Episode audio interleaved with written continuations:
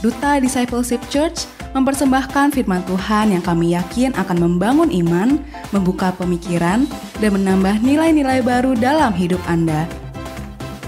Dari Indonesia, selamat mendengarkan. Selamat siang, Shalom. Ya, kita bersyukur siang hari ini karena Tuhan ada di tengah-tengah kita. Katakan amin. Karena tidak ada tempat yang aman di dunia ini Bapak Ibu selain kita ada di dalam hadirat Tuhan. Maka firmannya berkata lebih baik satu hari di rumah Tuhan. Bilang sama-sama, satu hari di rumah Tuhan. Negara Selandia Baru tahun 2018 yang lalu dinobatkan sebagai negara terdamai nomor dua di dunia. Nomor berapa? Nomor dua di dunia. Dia biasanya tiga besar. Kalau nggak nomor dua, nomor tiga, nomor satu. Itu Selandia Baru. Ada New Zealand ya. Tapi kita mendengar beberapa hari yang lalu teroris menembak 49 orang di rumah ibadah. Saudara, artinya apa? Artinya manusia boleh berkata negara ini aman, negara ini damai. Tetapi saudara, firman Tuhan katakan tidak ada tempat yang damai kecuali kita ada dalam hadiratnya. Amin ya. Itu itu itu kekuatan kita, itu penghiburan kita. Jadi Bapak Ibu jangan berkata lebih aman di luar negeri daripada Indonesia. Enggak. Ya, enggak. Kita percaya di mana pun kalau kita ada di dalam hadirat Tuhan itu pasti aman. Katakan amin. Minggu kemarin Ria menyampaikan tentang satu tema iman yang besar yang diangkat dari satu toko pedagang wanita, perempuan Kanaan, perempuan Serofenisia, perempuan yang bukan orang Yahudi, namun dia percaya kepada Tuhan sungguh-sungguh karena apa? Lewat perkataannya. Dia dihina, diolok, bahkan Tuhan menganggap dia seperti anjing. Dan dia tidak tersinggung, dia tidak ngambek, dia tidak marah, lalu dia uh, pulang. Kalau zaman sekarang ini dia kalau marah dia kesel maka dia langsung akan sampaikan di sosmednya. Supaya dunia tahu. Ternyata Tuhannya orang Kristen kasar banget ya kalau ngomong ya. Masa saya dianggap anjing? Ya, apalagi lagi ngetop anjing dimasak dengan kol. Ya, sayur kol dengan anjing gitu. Ya, itu gawat sekali kan. Tapi kok dia nggak marah ya? Dan Tuhan berkata, Tuhan kasih apresiasi buat wanita yang luar biasa ini. Wanita kanaan ini. Yaitu imanmu besar bu anakmu sudah sembuh. Saudara, kita harus punya iman yang besar. Katakan sama-sama iman yang besar. Sekalipun kita belum melihat di depan kita kesembuhan, sekalipun kita belum melihat di depan kita pemulihan keluarga terjadi, sekalipun di depan kita kita belum melihat keuangan kita mengalami perubahan, tapi kita harus punya iman yang besar. Kata-katamu mesti dijaga. Jangan sembarangan ngomong. Ya, saya lebih baik mati aja deh. Jangan, saudara. Kita lebih baik cerai aja deh. Yang pacaran jangan bilang, udah kita putus aja deh. Putus nyambung, putus nyambung ke jangan ya. Jangan ya. Kalau pacaran udah sering ngomong putus, saudara, nanti waktu menikah gampang sekali ngomong kata cerai. Karena itu mirip sama ya. Hari ini kita akan belajar dari toko yang kedua, karena kemarin dikatakan part one-nya, hari ini saya akan lanjutkan di part two-nya. Mari sebelumnya kita membaca bersama-sama dalam Injil Matius pasal yang ke-8, Bapak Ibu. Saya akan mengajak kita membaca dengan keras dari ayat yang kelima hingga ayat yang ke-13. Nanti kita akan bersama-sama, saya akan mengupas secara kontekstual dari Matius pasal yang ke-8 ini. Kita akan mendapatkan kebenaran-kebenaran apa yang dimiliki oleh perwira ini. Sehingga Tuhan juga berkata kepada dia, iman yang besar yang dimiliki oleh perwira ini. Mari bersama-sama dengan suara keras, kalau saudara bisa lihat di televisi, saudara bisa ya di gadget saudara lebih jelas ya atau saudara bisa lihat uh, di PowerPoint yang ada di depan. Mari kita baca Injil Matius pasal yang ke-8 ayat ke-5, 2, 3. Ketika Yesus masuk ke Kapernaum, datanglah seorang perwira mendapatkan dia dan memohon kepadanya, Tuhan, hambaku terbaring di rumah karena sakit lumpuh dan ia sangat menderita. Yesus berkata kepadanya, aku datang menyembuhkannya. Ayat berikutnya, tetapi jawab perwira itu, Aku tidak layak menerima Tuhan di dalam rumahku, Katakan saja sepatah kata, maka hambaku itu akan sembuh. Sebab aku sendiri seorang bawahan dan di bawahku ada pula prajurit. Jika aku berkata kepada salah seorang prajurit itu pergi, maka ia pergi. Dan kepada seorang lagi datang, maka ia datang. Ataupun kepada hambaku kerjakanlah ini, maka ia mengerjakannya. Setelah Yesus mendengar hal itu, heranlah ia dan berkata kepada mereka yang mengikutinya, Aku berkata kepadamu sesungguhnya iman sebesar ini tidak pernah aku jumpai pada seorang pun di antara orang Israel. Ayat 11. Aku berkata kepadamu, banyak orang akan datang dari timur dan barat dan duduk makan bersama-sama dengan Abraham, Ishak dan Yakub di dalam kerajaan surga. Sedangkan anak-anak kerajaan itu akan dicampakkan ke dalam kegelapan yang paling gelap. Di sanalah akan terdapat ratap dan kertak gigi. Lalu Yesus berkata kepada perwira itu, pulanglah dan jadilah kepadamu seperti yang kau percaya. Maka pada satu juga sembuhlah hambanya. Hari ini kita akan belajar tentang iman yang besar di sesi yang kedua. Sekali lagi saya ulangi bahwa iman yang besar di sesi pertama tentang perempuan Kanaan. Mengapa dia punya iman yang besar? Karena apa? Dia memiliki kerendahan hati. Ketika Tuhan hina dia, bahasanya sangat kasar kan? Tidak baik memberikan roti ini kepada anjing. Sama saja akan perempuan disebut dengan anjing. Mungkin kita berkata, kok Tuhan gak punya etika ya? Kok Tuhan bahasanya kasar sekali ya? Kok saudara ketemu pendeta ngomong begitu gimana kira-kira saudara? Saya ambil batu Pak Rajam sama batu Pak. Ini pendeta kurang ajar. Kok ngomongnya kata anjing? Kita tahu ada dua binatang di perjanjian baru yang sangat sering ditekankan bahwa apa? Anjing kembali ke muntahnya, babi kembali kepada kubangan. Berbicara apa? Binatang yang najis. Ya, orang Yahudi tidak makan anjing. Babi pun tidak, karena haram bagi mereka. Itu hukum Tauratnya bagi mereka. Ya, jelas ya. Itu perkataannya yang luar biasa. Ya Tuhan, anjing juga makan dari remah-remah tuannya. Gak apa-apa saya disebut anjing. Yang penting Tuhan sembuhkan anak saya. Saudara, orang kalau butuh Tuhan, mau diomongin apa pun oleh orang lain, dia pantang mundur. Oh, enggak ada amin, saudara. Mau diledekin gimana, kek, dia pantang mundur. Katanya ke gereja, ke gereja terus. Mana kok belum diberkati? Gak pusing. Katanya ke gereja, ke gereja terus. Mana belum punya pasangan hidup? Gak pusing. Katanya ke gereja, ke gereja terus. Mana uangannya apa? Uh, rumahnya belum punya sendiri. Masih ngontrak terus dari blok A sampai blok J. Sampai tetangga bilang, lama-lama jadi kontraktor. Kontrak terus kan? Gak apa-apa, gak pusing. Karena hidup kita bukan apa kata orang. Hidup kita apa kata firman. Ya, itu prinsip kehidupan kita. Saudara, kalau hidupmu apa kata orang, saudara nggak bisa hidup. Nggak bisa hidup. Orang berbagai seratus orang, seratus persepsi. Kita pakai baju, baju saudara. Ya, saudara tanya aja pasangan saudara. Jangan tanya tetangga. Gak cocok sih. Ganti selemari juga nggak cocok. Akhirnya saudara bilang, udah deh nggak ke gereja deh. Tetangga bilang nggak cocok. Ya nggak bisa. Saudara. Orang yang kedua yaitu perwira, jenderal Romawi ini. Dia menguasai kota Kapernaum yang ada di Israel pada waktu itu. Karena Israel sedang dijajah oleh pemerintah Romawi. Dan perwira ini, jangan tanya saya siapa namanya Pak. Kalau tanya saya Pak Kapolres Sanggerang namanya siapa, saya kenal. Karena tanggal 9 yang lalu datang ke tempat ini, sama-sama kita sharing, saya kenal. Wakapo, Wakapolresnya kenal nggak? Kenal Pak. Karena bulan September yang lalu dia datang ibadah juga ke tempat ini bersama-sama kan dengar khotbah juga karena dia anak Tuhan dari Medan. Ya, saya kenal. Tapi perwira ini jangan tanya, bilang kiri kanan. Yang nggak perlu ditanya, jangan tanya. Pak, gimana kalau anak jelkis? Bilang aja, tante aja nggak tahu. Asal percaya aja. Karena nggak perlu tahu namanya ya. Jadi Alkitab kayak bilang kalau nggak tulis namanya, kita belajar aja dari apa yang dikerjakan, apa yang dilakukan. Ini menarik bagi saya. Perempuan Senovesia, uh, perempuan Kanaan kemarin itu menarik sekali. Kok Tuhan bisa bilang dia iman yang besar?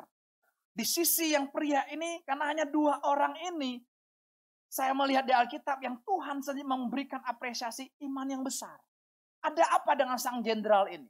Ada apa dengan perwira Romawi ini? Kalau Tuhan sampai puji dia, tidak pernah aku jumpai iman sebesar ini sekalipun di antara orang Israel. Wow nggak kira-kira? Wow dong. Kita tahu bahwa Israel gudang pahlawannya iman. Tapi kok nggak ada? Tuhan lihatnya dari sisi apa ya? Nah kita akan belajar satu persatu, poin demi poin dari konteks Matius pasal yang ke-8 ini ada hal-hal yang dilakukan oleh jenderal ini, oleh perwira ini, yang notabene dia bukan orang Israel, dia bukan orang Yahudi, tetapi responnya terhadap Tuhan Yesus itu begitu luar biasa. Kita akan melihat yang pertama lebih dahulu. Ayat 5 sampai ayat 7 saya akan baca kembali kepada Bapak Ibu. Ketika Yesus masuk ke Kapernaum, datanglah seorang perwira mendapatkan dia dan memohon kepadanya. Tuan, hambaku terbaring di rumah karena sakit lumpuh dan ia sangat menderita. Yesus berkata kepadanya, aku datang menyembuhkannya. Saudara, perwira ini, jenderal ini yang sakit siapanya? Hambanya. Sekarang pembantu rumah tangganya yang sakit. Babysitternya yang sakit. Sakitnya apa? Lumpuh. Kemarin di tempat ini ada seminar menghindari kematian mendadak akibat serangan jantung.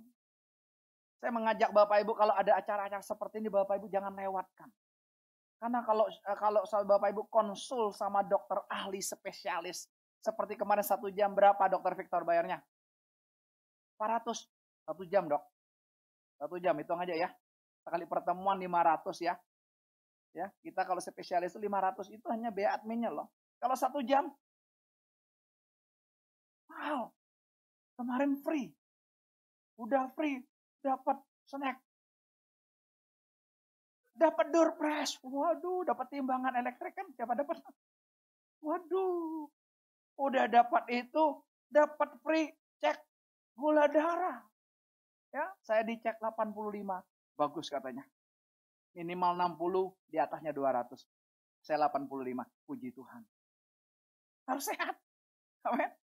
Udah itu pulang depan nasi kotak lagi. Bilang kiri kanan kamu nggak datang nyesel. Nyesel makan jangan banyak tidur, datang. Lo betul, ini anugerah loh pilar sosial, uh, pilar uh, koordinator klinik mengadakan ini. Saudara, untuk apa? Umatku binasa karena tidak punya pengetahuan. Kita berpikir sakit jantung itu kalau jantungnya duk, duk, duk, duk, duk, itu baru sakit. Enggak. Pada cuma nyeri sedikit, tahu-tahu harus bypass. You know bypass? Tanyakan kepada yang sudah bypass, berapa harga sekali bypass. Ratusan juta makan bakmi. Coba berapa tahun? Betul nggak? Makanya kemarin saya bilang, wah dok terima kasih dokter Zainuddin. Luar biasa. Ya, dia sekolah di Metodis Medan. Saya pikir dia orang Batak.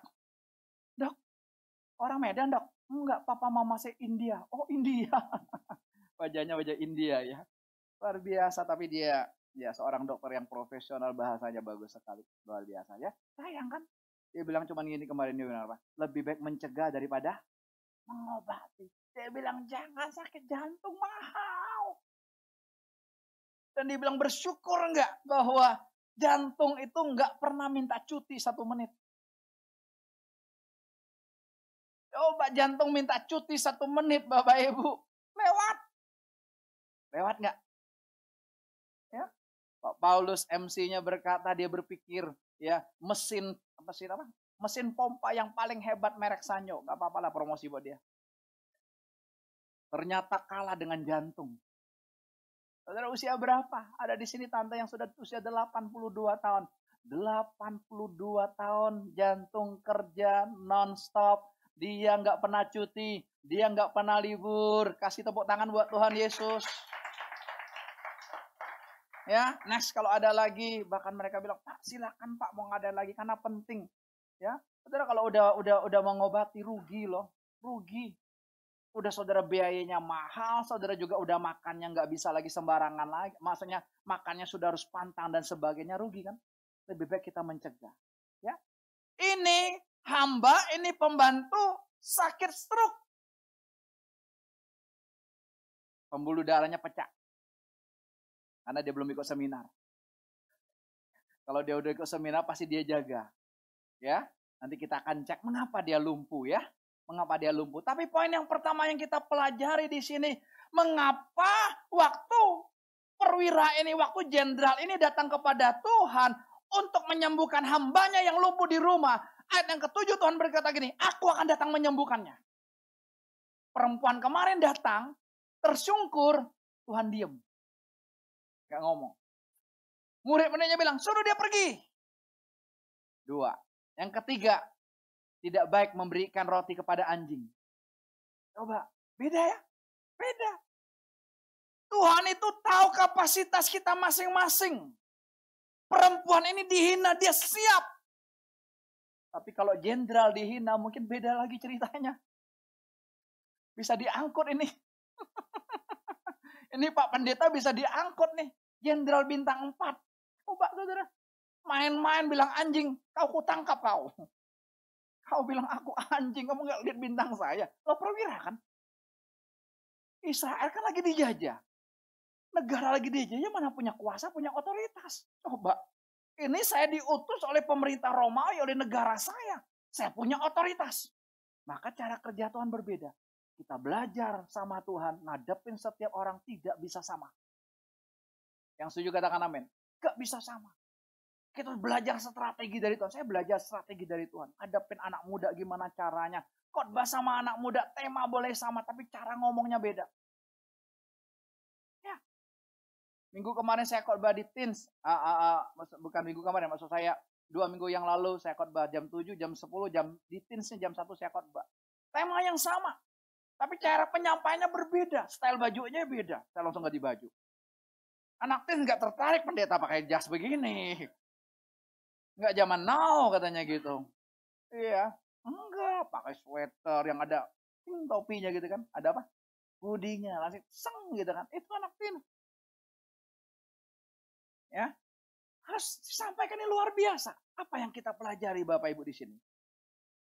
Iman yang besar ditandai dari kasih dan kepeduliannya kepada hambanya atau sekarang disebut pembantu. Kalau kita mau punya iman yang besar, dapat pujian dari Tuhan, kita ikuti teladan perwira ini Bapak Ibu. Teladan jenderal ini. Dia datang kepada Tuhan bukan karena dia sakit atau anaknya sakit. Perempuan kanaan minggu kemarin dia datang kepada Tuhan Yesus karena anaknya sakit. Wajar dong Pak buat anak kok. Orang tua mana sih yang tidak mengasihi anak? Pasti.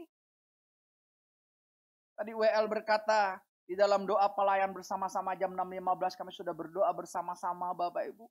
Pelayan-pelayan Tuhan jam 6 sudah datang ke tempat ini. Kita kasih tepuk tangan buat mereka yuk.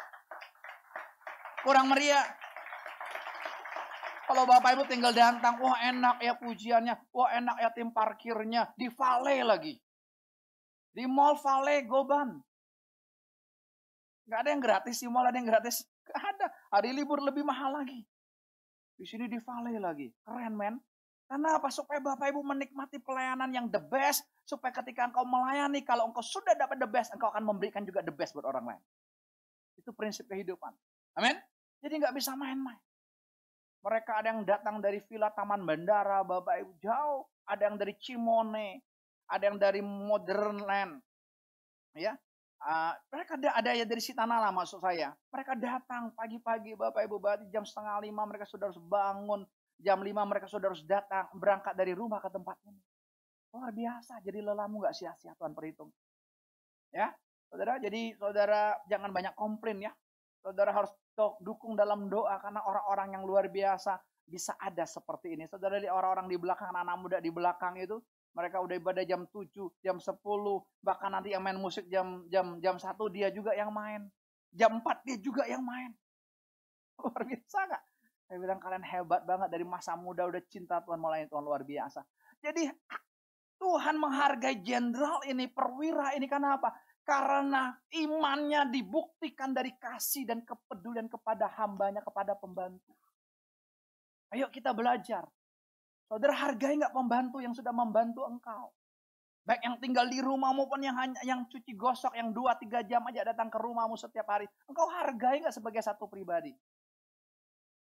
Ya? Apa kita memperlakukan mereka semau-maunya? Kan kamu sudah digaji. Mesti bangun pagi-pagi. Ya, dia baru pegang handphone aja suruh main handphone terus. Padahal baru pegang. Kita udah omelin lagi. Ya, tidur sampai malam-malam. Gaji terlambat.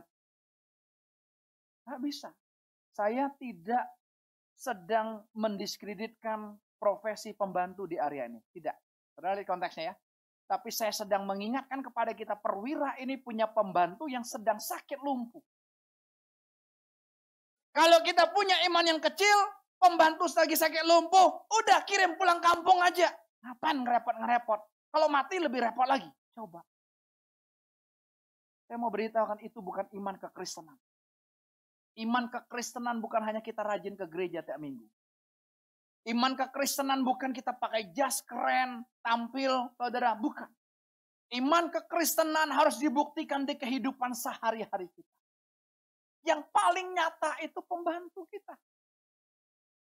Coba. Pembantu itu dia diam diam diam diam dia merekam di rumah. Coba tanya kiri kanan, pembantu kamu sudah mau di hijack belum sama tetangga? Hijack bahasanya ya, diambil. Ada. Pembantu kami, dia cerita, Pak, Bu, beberapa orang yang nawarin untuk kerja di tempatnya dia. Disebut lagi, tinggal di blok mana? Oh, saya tahu siapa orangnya. saya berkati dia. Cuman saya bilang, Mbak silakan. Oh, enggak mau lah kok, enggak mau lah. Lalu dia cari temannya. Masuk juga temannya. Tapi tidak lama temannya keluar. Dia bilang ini, Alhamdulillah saya nggak pindah kok. Dia beri kesempatan aja. Kita nggak usah promosi kok. Karyawanmu pasti tahu kok engkau baik atau tidak. Atau engkau hanya pinter ngomongnya, firmannya pinter, ayat hafalannya banyak, engkau cuma teori pinter, tapi prakteknya Sebentar lagi pembantu-pembantu akan pulang karena lebaran. Pembantu kami yang terakhir ini sudah lima atau enam tahun ya. Ya kalau pulang lebaran, dia pulang ke Solo. Seminggu sebelum lebaran dan seminggu setelah lebaran. Dua minggu. Pak, potong gajinya pak kalau balik pak. Saya bilang enggak. Kami sepakat enggak. Dia gaji tanggal 4. Tanggal 1 saya sudah siapkan nih, Mbak. Udah nanti aja kok tanggal 4. Tapi ambil juga. Artinya dia butuh.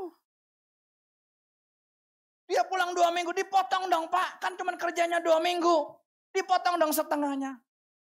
Saudara, orang Kristen yang model seperti ini, nanti saya akan endingkan. Saudara akan dicampakkan di neraka. Karena kekristenan bukan teori. Saudara mau tanya isi rumah itu apa yang terjadi, tanya sama pembantunya. Ya, bukan saya nantang, bukan. Kalau saya saudara tanya pembantu saya itu artinya saudara nggak ada kerjaan. Kepo namanya. Pak Pak Andes kalau mau tanya, cegat di depan. Kamu digajin berapa? Wah nggak usah lah kerja sama dia. Gua dua kali lipat. Jangan ya. Itu namanya mencobai pendeta mencobai Tuhan nggak boleh, mencobai pendeta juga nggak boleh gitu. Tapi kami belajar kasih yang terbaik buat dia. Saya pesan kepada anak yang kedua tadi yang main gitar sebelah kanan, si Ase, Se, kamu sebelum pul sebelum berangkat ke sekolah, tolong angkat ya baju-baju kotor ke lantai tiga. Karena kami tidur di lantai dua, ke lantai tiga. Pertamanya dia tanya kepada saya, namanya anak muda kan. Mereka tidak mau melakukan sesuatu tanpa satu alasan yang tepat. Kenapa sih? Karena ada mbak. Enggak, kamu bisa tolong angkatkan, mengangkat sesuatu dari bawah ke atas kan jauh lebih berat dibandingkan nurunin dari atas ke bawah. Kan lebih ringan. Ada kamu, oh gitu ya. Saya kasih nilai buat dia. Saya ajarkan dia untuk mengasih pembantu ini seperti ya saudara sendiri. Perlakukan. Kasih makanan bukan yang sudah bekas, bukan kita udah nggak habis lagi. Itu mbak makanan mbak. Saya nggak habis. Nggak heran lima bulan mbaknya mengembang ke kanan ke kiri. Karena dia menghabiskan semua yang tidak habis dari rumah itu. Akhirnya dia susah bangun pagi. Jangan. Tolong dicatat ini jangan kata sayang dengan makanan. Lebih baik sayang dengan kesehatanmu. Kalau memang sudah ber, memang kita nggak habis lagi ya, ya jangan sering buang makanan ya. Tapi memang udah nggak habis lagi, jangan. Udah jam 11 malam sayang deh bakmi ini. Sayang karbohidrat jam 11 malam, habis itu tidur. Jangan. Sayang nih bakso ini. Ayo nak sayang nak. Jangan, tidak ada kata sayang ya. Tidak ada kata sayang, itu salah. Lebih baik sayang kesehatanmu. Karena Tuhan mau kita punya roh, punya jiwa, punya tubuh yang sehat dan sempurna pada hari kedatangan Tuhan. Membantu. Ada, ada tiap tahun naik nggak gaji pembantu? Pembantu jangan bilang gini, hajar pak, hajar pak. Wah, untung saya dengar khotbah hari ini pak, bos saya juga ada di tempat ini. Salah juga engkau. Nanti ada sesinya buat engkau. Karena saya kalau khotbah tuh balance. kalau jadi pembantu, ih jangan juga mentang-mentang udah di khotbahin. Bos, kok belum melakukan bos? Itu namanya menghakimi. Gak boleh. Lakukan bagian kita juga. Kenapa ini panglima bisa sayang sama pembantunya? Coba saya tanya saudara. Pasti juga dia lihat pembantunya rajin. Betul nggak? Pasti dia lihat pembantunya nggak main handphone terus, main Facebook terus. Pembantu sekarang keren soalnya. Mainnya Facebook, ya Instagram, Langsung upload. itu pembantu zaman now. Ya, nyonyanya aja gaptek, dia udah Kenapa pasti ada ya? Tapi saya nggak sangka ini. Saya mau arahkan bagaimana iman yang besar itu ditandai dengan kepedulian dengan hambanya. Kepedulian dengan orang lain, orang yang levelnya lebih rendah dari kita. Pembantu kan di sini kan? Coba Nggak bisa kita ngomong hebat, kita rajin ke gereja. Kok nggak bisa? Saya nggak bisa ngomong hebat. Kalau mbak saya ngomong di keliling, wah kok saya pelit banget. Boro-boro kasih makanan. Kak, cuma suruh buang sampah. Sampahnya sih banyak, suruh buang terus. Gak pernah dikasih makanan. Jangan saudara, perlakukan dia sebagai satu pribadi. Dia memang belum melangkah kakinya ke gereja, ketemu dengan Tuhan. Tapi kasih yang kita berikan kepada dia, dia menikmati kasih itu. Dia akan berkata gini, enak ya apa Tuhannya engkau tuh hebat banget ya. Tuhannya ibu kok luar biasa banget ya. Dia bisa merasakan itu. Saya akan memberikan satu contoh di Alkitab bagaimana sesama kita tuh siapa. Satu kali ada seorang ahli Taurat. Ahli, berarti spesialis Taurat. Dia tahu banget firman. Dia tahu banget kitab lima kitab yang pertama dia hafal banget. Kejadian keluaran imamat bilangan ulangan dia hafal banget. Dia ahlinya. Lalu satu kali dia datang mencoba Yesus. Dia berkata gini, Guru, menurut kamu apa yang harus saya perbuat supaya saya memperoleh hidup yang kekal? Saudara, Yesus berkata begini, kasihilah Tuhan Allahmu dengan segenap hatimu, segenap kekuatanmu, segenap jiwamu, segenap akal budimu. Dan kasihilah sesamamu seperti dirimu sendiri. Kita hafal ayat itu. Itulah inti kekristenan. Kasih kepada Tuhan secara vertikal, kasih kepada sesama secara horizontal. Itu nggak bisa terlepas. Banyak kekristenan hanya berkata Tuhan, Tuhan, Tuhan. Tapi sesamanya jauh banget kita. Kita egois bangun diri sendiri. Kita nggak peduli dengan orang lain. Termasuk pembantu sendiri kita nggak peduli. Kita hanya mau tenaganya dia. Kita hanya mau urusan pekerjaan rumah beres. Tapi kesehatannya kita nggak mau lihat. Apa yang dia alami dia nggak mau lihat. Ketika saya melihat mbak, kenapa mbak lagi pilek kok? Ya udah, nih mbak minum vitamin C. Nih. Saya kasih vitamin C yang 1000 mili. Ini mbak minum mbak. Saya kasih dia beberapa biji. Saudara, luar biasa dia minum. Besoknya saya lihat dia makin segar, makin sehat. Itu cara kita memperhatikan. Ya, itu bentuk kepedulian kita. Lalu si ahli Taurat ini saudara dia karena ingin mencoba Yesus dia bilang ini, sesamaku tuh siapa?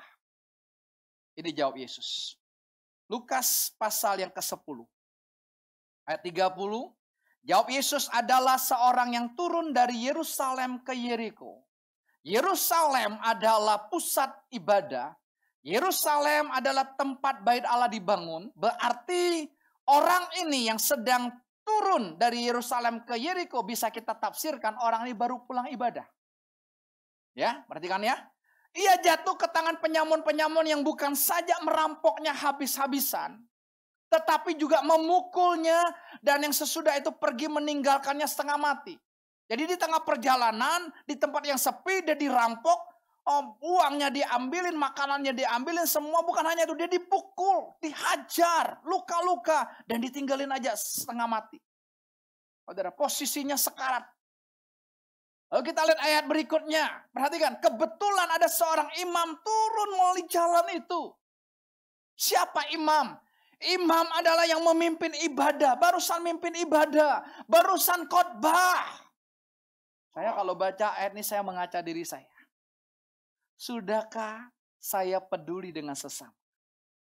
Sudahkah saya ini memperhatikan sesama yang memang butuh pertolongan? Saudara tahu ya, karena ada orang yang juga memanfaatkan. Saudara jangan dimanfaatkan. Saudara jangan jadi Tuhan buat orang lain. Tapi ada orang yang memang perlu kita bantu. Imam ini baru saja dia khotbah. Bisa saja temanya dia berkata, kasihilah musuhmu. Kasihilah Tuhanmu segenap hatimu. Kasihilah sesamamu seperti dirimu sendiri. Dia khotbah dengan betul begitu semangat. Dan jemaat berkata, yes, amin. Tapi salah satu jemaatnya yang baru kena rampok. Saudara, di tengah jalan itu, dia lihat. Dikatakan apa? Ia melihat orang itu. Dia lihat.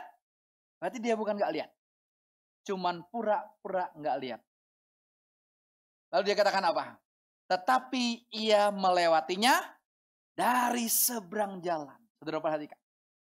Harusnya dia jalannya di sini. Dia bisa muter agak jauh. Nggak apa-apa. Yang penting saya nggak mau direpotkan. Seringkali kita begitu. Kita cari aman. Kita nggak mau direpotkan. Itu imam. Saudara nangkap imam ya? Imam itu yang memimpin ibadah. Apalagi kalau dia pangkatnya imam besar, dialah yang hanya boleh masuk ruang maha kudus, yang di mana dia harus dapat undian, itu pun satu tahun satu kali. Wah, itu betul-betul tempat yang maha kudus. Tapi kita bersyukur Yesus sudah mati, tirai bait Allah, pemisah ruang kudus dan ruang maha sudah nggak ada lagi, terpisah semua, apa hancur semua, sehingga kita bisa datang dengan penuh keberanian lewat darah Kristus. Amin. Lalu berikutnya ayat 32. Baca ayat 32. Demikian juga seorang Lewi datang ke tempat itu. Ketika ia melihat orang itu, ia melewatinya dari seberang jalan. Siapa Lewi? Suku Lewi satu-satunya suku yang dipilih oleh Tuhan lewat Musa untuk mereka melayani di bait Allah. Alias mereka adalah pelayan-pelayan Tuhan. Perhatikan pelayan-pelayan Tuhan di tempat ini. Kita belajar sama-sama. Saya belajar dari imam ini. Apakah saya lebih baik keliling jauh aja deh, muter deh. Ngapain repot-repot ngurus orang seperti ini? Pembantu sakit ngapain repot-repot bawa ke dokter? Ngapain repot-repot beli obat buat dia? Nanti gaji apa beli obat juga lebih mahal dari gajinya. Udah suruh dia pulang kampung aja atau berhentiin aja. Ganti aja pengganti pengganti yang baru. Kan lebih enak. Saudara, egois sekali kita. Gak boleh seperti itu. Kalau kita mau seperti Tuhan, kita belum seperti Tuhan loh nih. Kita baru seperti perwira ini loh. Orang Lewi dikatakan lewat juga karena habis pulang pelayanan sama-sama kan. Dikatakan apa? Lihat juga. Lihat juga. Hanya pura-pura enggak lihat. Dia melewati dari seberang. Lanjut.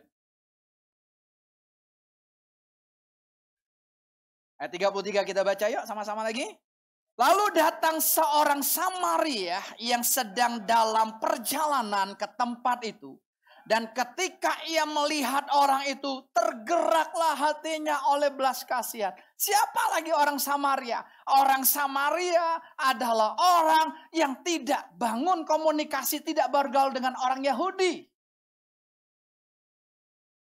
Yang dirampok tadi orang Yahudi, baru pulang dari gereja kok. Sekarang aplikasinya Kristen. Samaria non-Kristen. Tapi kok non-Kristen lebih peduli? Kita yang Kristen kok nggak peduli? Cuek. Karena kita bilang, masalah saya aja banyak kok. Peduli dengan masalah orang lain. Saya aja belum makan kok, masa beli buat dia? Enak aja. Egois itu. Perhatikan, dia lihat nggak orang itu? Lihat tergerak hatinya oleh belas kaset. Inilah hati Yesus. Kalau kita punya hati Yesus, kita nggak tahan ketika lihat orang kekurangan. Kita nggak tahan ketika lihat orang menderita. Kita nggak tahan. Ayat 34 baca lagi yuk. Ia pergi kepadanya, lalu membalut luka-lukanya. Sesudah ia menyiraminya dengan minyak dan anggur.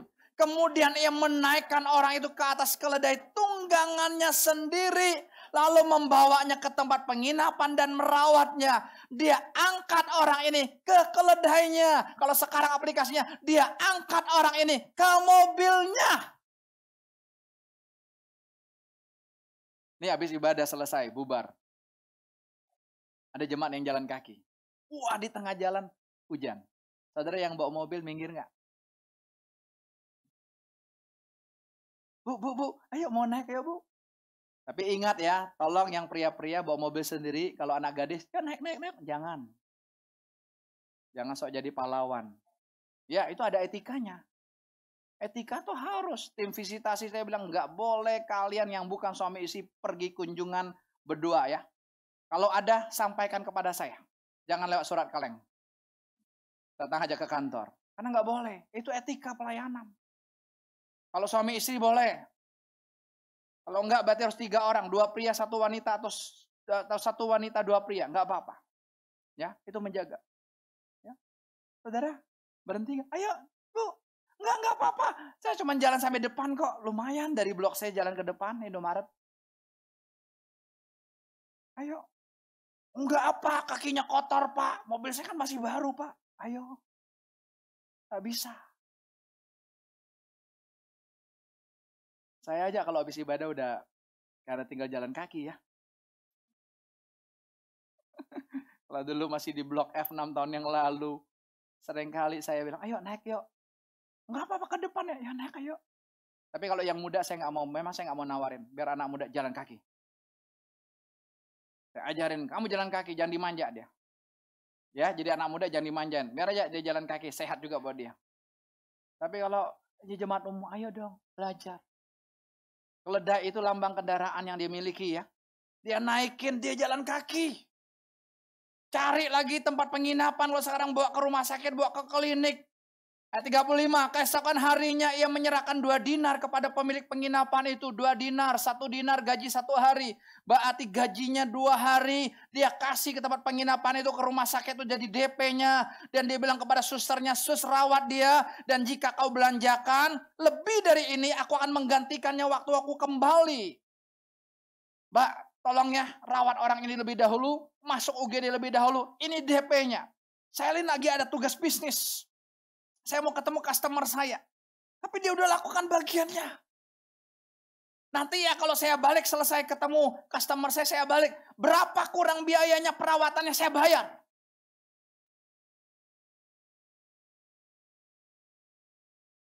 Lalu berikutnya. Udah? Ini orang ahli Taurat kena nih sama Tuhan Yesus. Ayat 36, 37 baca sama-sama. Siapakah di antara ketiga orang ini menurut pendapatmu adalah sesama manusia dari orang yang jatuh ke tangan penyamun itu? Jawab orang itu, orang yang telah menunjukkan belas kasihan kepadanya. Kata Yesus kepadanya, pergilah dan Artinya apa kalau pertanyaan ahli Taurat awal itu? Apa yang harus aku perbuat supaya memperoleh hidup yang kekal? Artinya apa? Kalau ada sesamamu yang susah, lakukan itu. Dia bisa menjadi wakilku.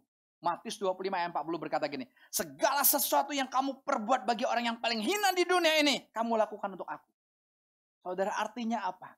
Tuhan bisa menyamar seperti orang-orang hina di sekitar kita. Orang hina, orang yang levelnya lebih rendah. Orang hina, orang yang tidak kita sukai. Orang hina, orang yang memusuhi kita. Bisa. Itu orang yang hina. Tapi saudara lakukan Ayo. Belajar. Saya terus belajar. Minggu kemarin habis khotbah, lalu Ria bilang gini, ya kita makan ya. Lapar nih, ya udah.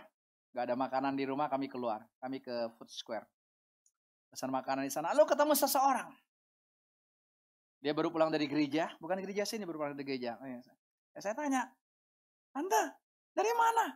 Dari gereja Pak Andreas. Oh, giginya udah ompong. Oh ya, Tante udah makan belum? Udah. Mau makan nggak? Mau. udah makan belum? Udah. Mau makan nggak? Mau. Tapi dibungkus saja, dibungkus saja itu. Oh, dibungkus saja. Ya udah. Saya pas kami pesan, bungkus buat dia, kami pun pesan makan. Dia duduk di samping itu. Jadi, tante nggak mau makan nih benar, benar baru makan, bungkus aja gitu. Oke, kami makan berdua, ngobrol-ngobrol juga sama dia sebentar gitu. Udah bungkusannya udah belum kok, udah kasih dia. Saudara lu saya tawarin lagi. Tante mau pulang? Mau, mau, mau. Ya udah, naik yuk. Saya suruh dia naik.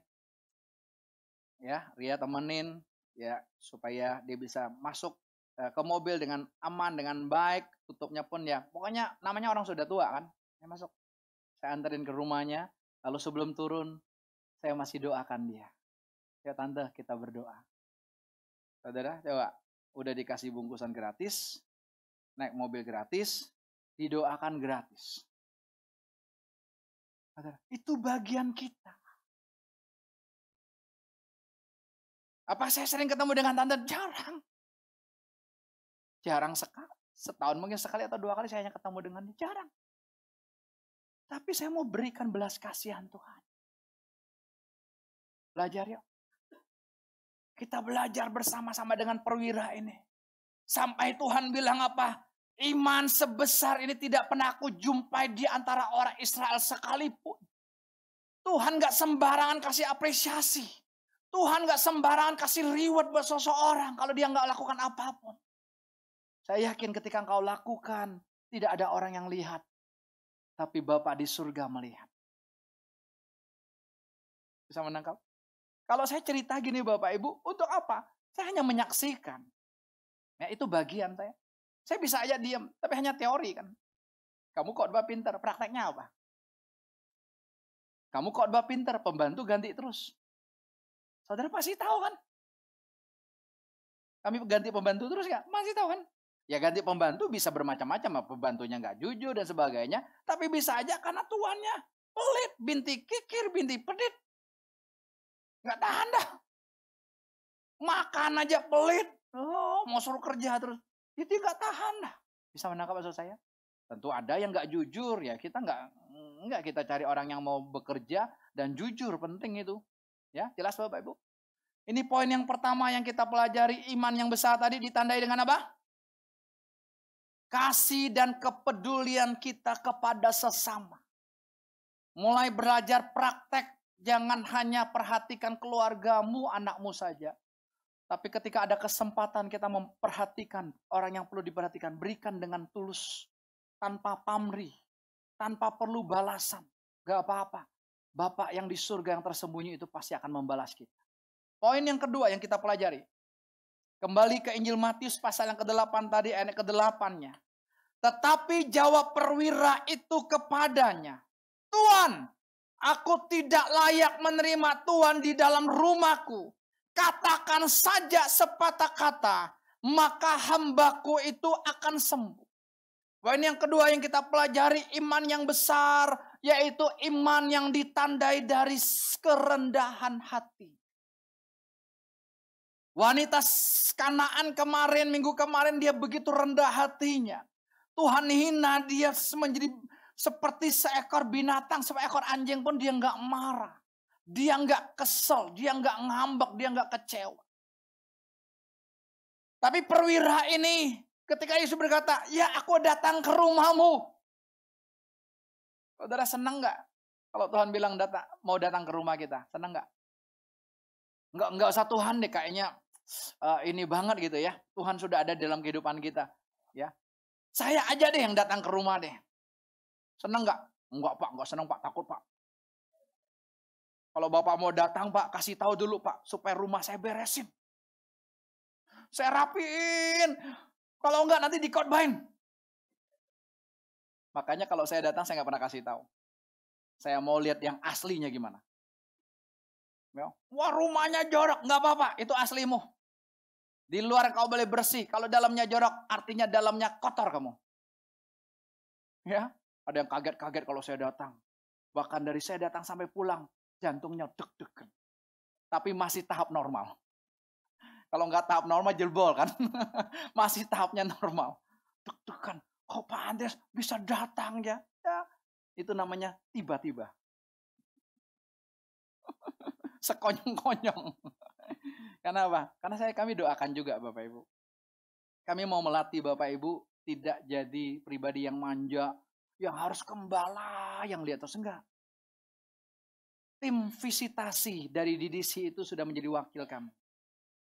Ya, kita harus punya mindset itu terbuka.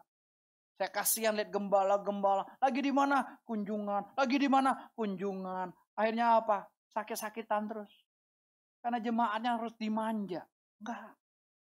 Saudara yang sudah dewasa, justru saudara perhatikan yang baru. Itu cara kita. Kita kan keluarga. Nah, nangkep ya? Jadi saudara kalau saya datang jangan kaget ya. Jangan tulis di status dia datang mendadak.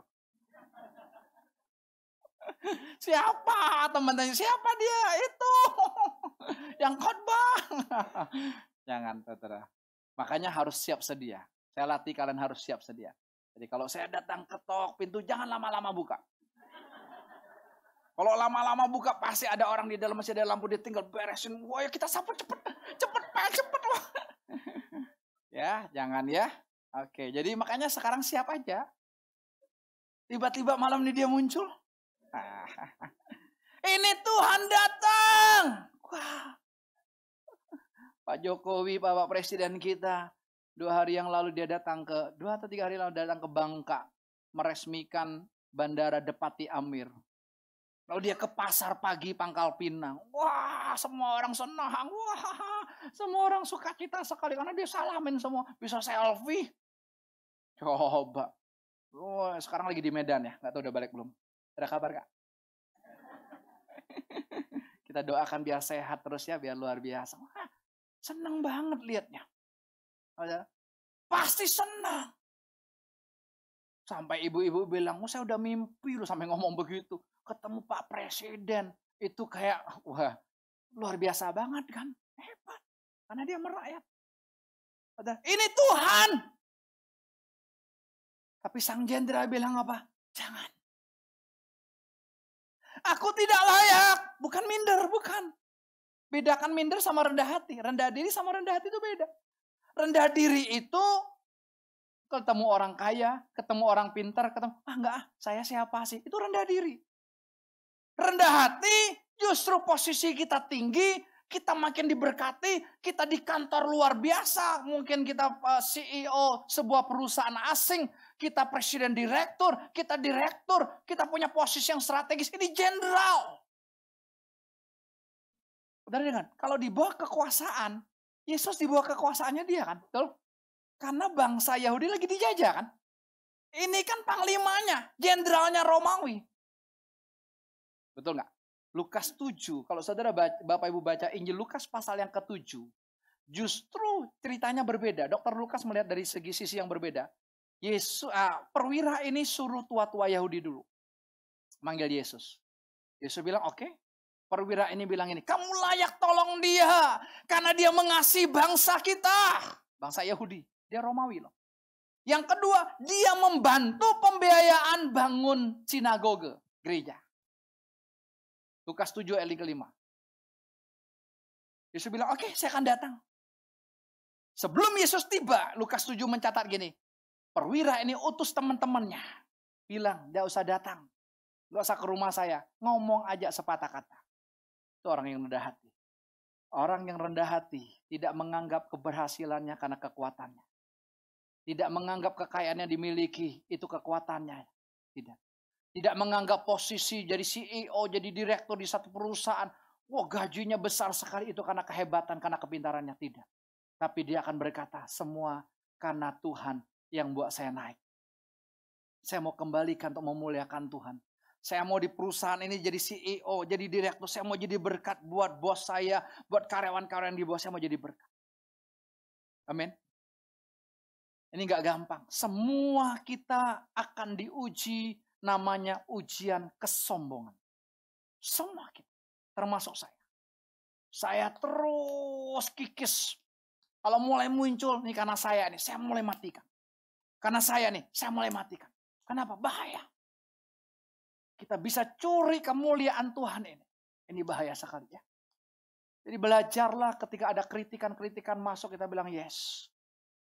Jadi kerendahan hati daripada Tuhan, daripada jenderal ini membuat hati Tuhan gak tahan. Ini jenderal, bintang empat, tapi kok luar biasa ya. Kalau jenderal rumahnya kecil apa besar? Pasti besar. Kaya raya dia. Apalagi jenderalnya Romawi kok. Ditempatkan di posisi di mana negara yang dijajah kok. Kalau sekarang posisi begini coba, uang masuk dari segala sisi nggak? Dari perusahaan ini, dari perusahaan, wah, masuk banyak dia penguasanya.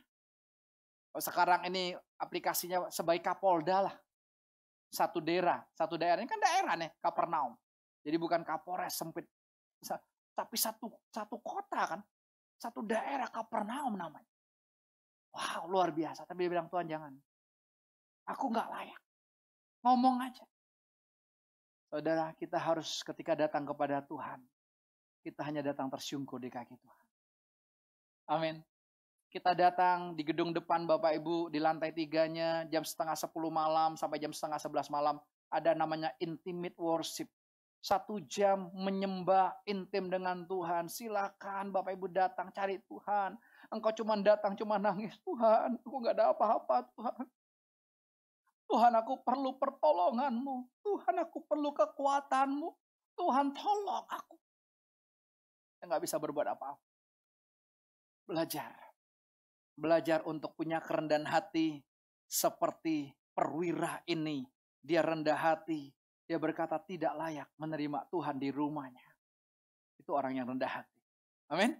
Yang berikutnya, yang ketiga. Kita akan melihat ayat yang ke sembilannya. Ya, sesuai dengan konteksnya kita baca lagi yuk bersama-sama. Sebab aku sendiri seorang bawahan dan di bawahku ada pula prajurit jika aku berkata kepada salah seorang prajurit itu, pergi, maka ia pergi. Dan kepada seorang lagi, datang, maka ia datang. Ataupun kepada hambaku, kerjakanlah ini. Maka ia mengerjakannya. Bapak Ibu perwira ini, ketika dia berkata, Yesus jangan datang ke rumahku. Lalu dia memberikan satu ilustrasi tentang hukum otoritas. Di sini kan hukum otoritasnya. Saya ini seorang bawahan, berarti dia punya atasan. Ya, kalau dia bintang tiga, berarti masih ada bintang empat di atas dia kan. Ada panglimanya kan di atas dia ya, ada pemimpin. Panglima ada presiden. Panglima di bawah presiden kan. Itu kurang lebih seperti itu. Masih ada semua kan. Saya ini punya bawahan. Kalau bawahan saya sudah bilang, pergi. Bawahan saya nggak tanya loh, pergi ke mana pak? Karena dia tahu saya suruh ke mana. Datang! Mau ngapain Pak? Enggak. Saudara kalau kita melihat TNI atau kepolisian, itu hukum komando itu sangat ketat sekali. Betul? Enggak peduli yang yang yang apa yang uh, muda, dia lebih muda, tapi kalau bintangnya lebih banyak, yang tua kasih hormat enggak? Saya menyaksikan sendiri ketika Kapolres Tangerang, ajudannya lebih tua ya bro. Tapi bintang di sininya kalah kembangnya ya. Melatihnya kalah. Jadi aja, siap bos, siap bos. Sampai dia cerita, ya kasihan nih sama bawaan saya usianya lebih tua dari saya. suruh begini, suruh begini, kasihan. Tapi itulah prinsip komando. Apa yang kita pelajari dari poin ini Bapak Ibu? Panglima ini, perwira ini, jenderal ini disebut punya iman yang besar karena apa? Karena ditandai dari ketaatannya pada firman Tuhan. Prinsip dari Polri, dari TNI itu harus sebenarnya jadi prinsip kehidupan kekristenan. Kita itu ada garis komando dalam hidup kita. Kita punya otoritas di atas kita Bapak Ibu. Istri otoritasmu suami. Dia boleh lebih muda, dia boleh lebih bodoh, maaf. Maksudnya pendidikannya engkau sebagai istri lebih tinggi. Dia lebih miskin karena background keluarganya memang susah. Engkau background keluarga istri lebih kaya. Dengar, dia tetap otoritas. Papa mama kita lebih bodoh, tidak sekolah. Papa mama saya buta huruf, tidak sekolah. Tapi saya sebagai anak yang sekolah, yang Tuhan kasih karunia mengecap uh, bisa sarjana ya di di fakultas uh, teologi ya. Saya hormat, respect sama orang tua. Karena dia otoritas, dia wakil Tuhan. Saudara anak-anak muda, saudara jangan berpikir kau lebih pintar dari orang tuamu, engkau lebih kaya dari orang tuamu, kau tidak menghargai. Gak bisa. Prinsip itu gak boleh dilanggar kalau engkau ingin diberkati. Kalau engkau ingin dihargai oleh Tuhan. Ini penting sekali. Ini yang kami tanamkan kepada anak-anak jail kids, anak-anak jail teens, anak-anak jail youth ini. Jail kids itu sekolah minggu, jail teens itu anak-anak remaja, jail youth itu anak-anak muda-mudi di tempat ini. Ya mereka punya ibadah tersendiri, kami ajarkan nilainya. Dan temanya sama. Ya, jadi nanti kalau anak-anak Bapak Ibu sharing tanya, tadi Pak khotbahnya apa? Engkau tidak bisa menjawab. Bahaya banget. Ya, anak-anak mereka dapat tema yang sama. Khususnya Tin sama Yud ya. Kalau Jelkis karena ada acara-acara berikutnya digabung dua jadi satu. Tapi berbicara tentang faith, tentang iman. Ketaatan pada firman. Sejauh mana kita taat pada firman Bapak Ibu. Ini penting. Saudara jangan macam-macam dengan otoritas ya. Saya mau ajarkan, saya ingat nih. Ini penting sekali tadi pagi kok. Kelewat ini. Saudara saya mau belajarkan kita etika saudara live group. Banyak yang nggak ngerti konsep ini. Saudara, kalau saudara masuk uh, di grup kayak kemarin uh, Dr. Victor sebagai koordinator klinik, dia membuatkan grup untuk seminar kemarin. Ya, saya ada di dalamnya. Saudara, selesai acara, Dr. Victor sebagai otoritas kalau di situ ya, karena dia koordinatornya, dia berkata terima kasih teman-teman anak-anaknya, silakan live group. Kalau sudah ngomong begitu, saudara jangan langsung live group. Saudara bilang ini, terima kasih juga Dokter Victor atas kepercayaannya. Terima kasih teman-teman, baru live group. Itu etika. Tapi banyak kali orang langgar. Tidak boleh.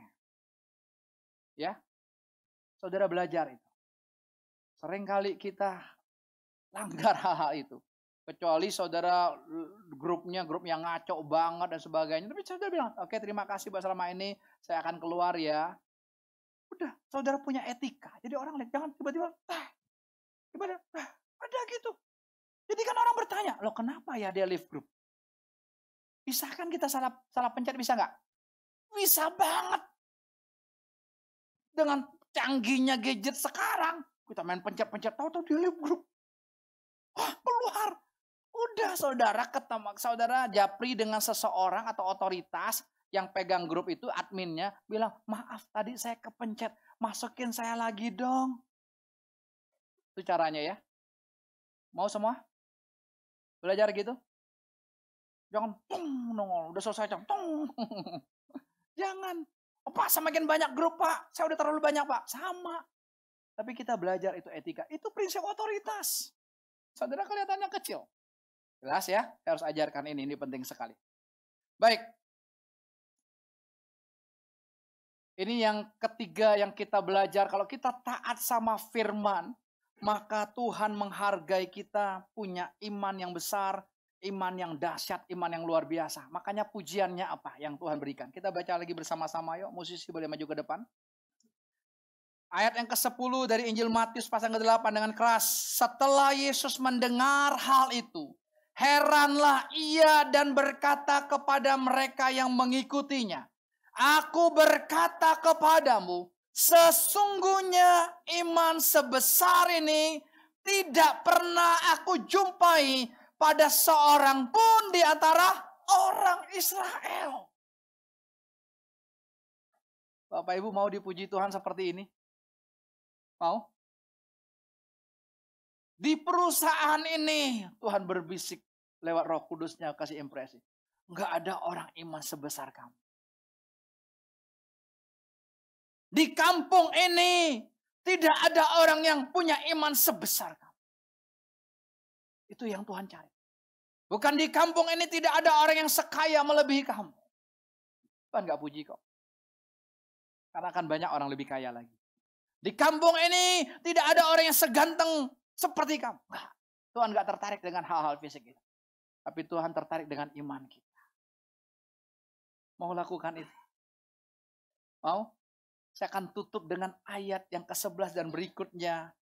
Supaya kita mengerti apa yang Tuhan mau kita baca lagi yuk. Aku berkata kepadamu, banyak orang akan datang dari timur dan barat dan duduk makan bersama-sama dengan Abraham, Ishak dan Yakub di dalam kerajaan surga. Sedangkan anak-anak kerajaan itu akan dicampakkan ke dalam kegelapan yang paling gelap. Di sanalah akan terdapat ratap dan kertak gigi. Lalu Yesus berkata kepada perwira itu, pulanglah dan jadilah kepadamu seperti yang engkau percaya. Maka pada saat itu juga sembuhlah hambanya. Tuhan gak datang ke rumah jenderal ini. Tapi iman jenderal ini yang menyembuhkan hambanya yang lumpuh itu. Saudara, saudara ngarepin mujizat apa pun dalam kehidupanmu. Saudara seperti perwira ini iman. Tuhan tanpa datang pun tumpangin tangan buat yang lumpuh ini sembuh. Saudara perhatikan ayat 11, ada banyak dikatakan orang yang datang dari timur barat, duduk makan bersama dengan Abraham, Ishak, Yakub itu adalah nenek-nenek moyang kita, tokoh-tokoh iman dalam kerajaan surga. Tapi anak-anak kerajaan, siapa anak-anak kerajaan? Konteks ini anak-anak kerajaan adalah orang-orang Israel. Mereka bangsa pilihan Tuhan. Mereka dipilih bukan karena hebat, tapi Tuhan sayang kepada mereka. Tapi mereka akan dicampakkan di neraka. Saudara dan saya adalah Israel-Israel rohani. Jangan sampai kita rajin ke gereja. Kita rajin doa. Tapi ternyata di kehidupan kita, di sisi yang lainnya, kita tidak peduli dengan pembantu kita. Kita enggak peduli dengan karyawan yang kerja dengan kita. Enggak ada cutinya, enggak ada liburnya. Gaji enggak di atas UMR juga, tapi terus kita perasti. Uang makan ditunda, gaji ditunda. Wah, itu sangat tidak berkenan. Saudara jangan main-main. Ya, saya harap saudara harus harus tangkap kebenaran. Jangan sampai kita disebut anak-anak kerajaan, tapi kita dicampakkan di api neraka yang kekal. Ini Tuhan yang ngomong. Ingat ya. Tetapi orang yang dari barat, yang dari timur, orang yang tidak kenal Tuhan, orang Romawi ini, orang perempuan Kanaan kemarin, mereka akan datang kepada Tuhan. Mereka akan punya iman yang luar biasa. Mereka akan sujud menyembah kepada Tuhan. Mereka diselamatkan. Karena mereka lakukan iman disertai dengan perbuatan. Iman tanpa perbuatan mati imanmu dan iman. Iman kita harus disertai perbuatan. Amin. Mau Bapak Ibu kasih tahu kiri kanan. Kita nggak mau dicampakkan. Tapi kita mau makan bersama-sama dengan tokoh-tokoh iman dalam kerajaan surga. Mari saya undang kita bagi berdiri.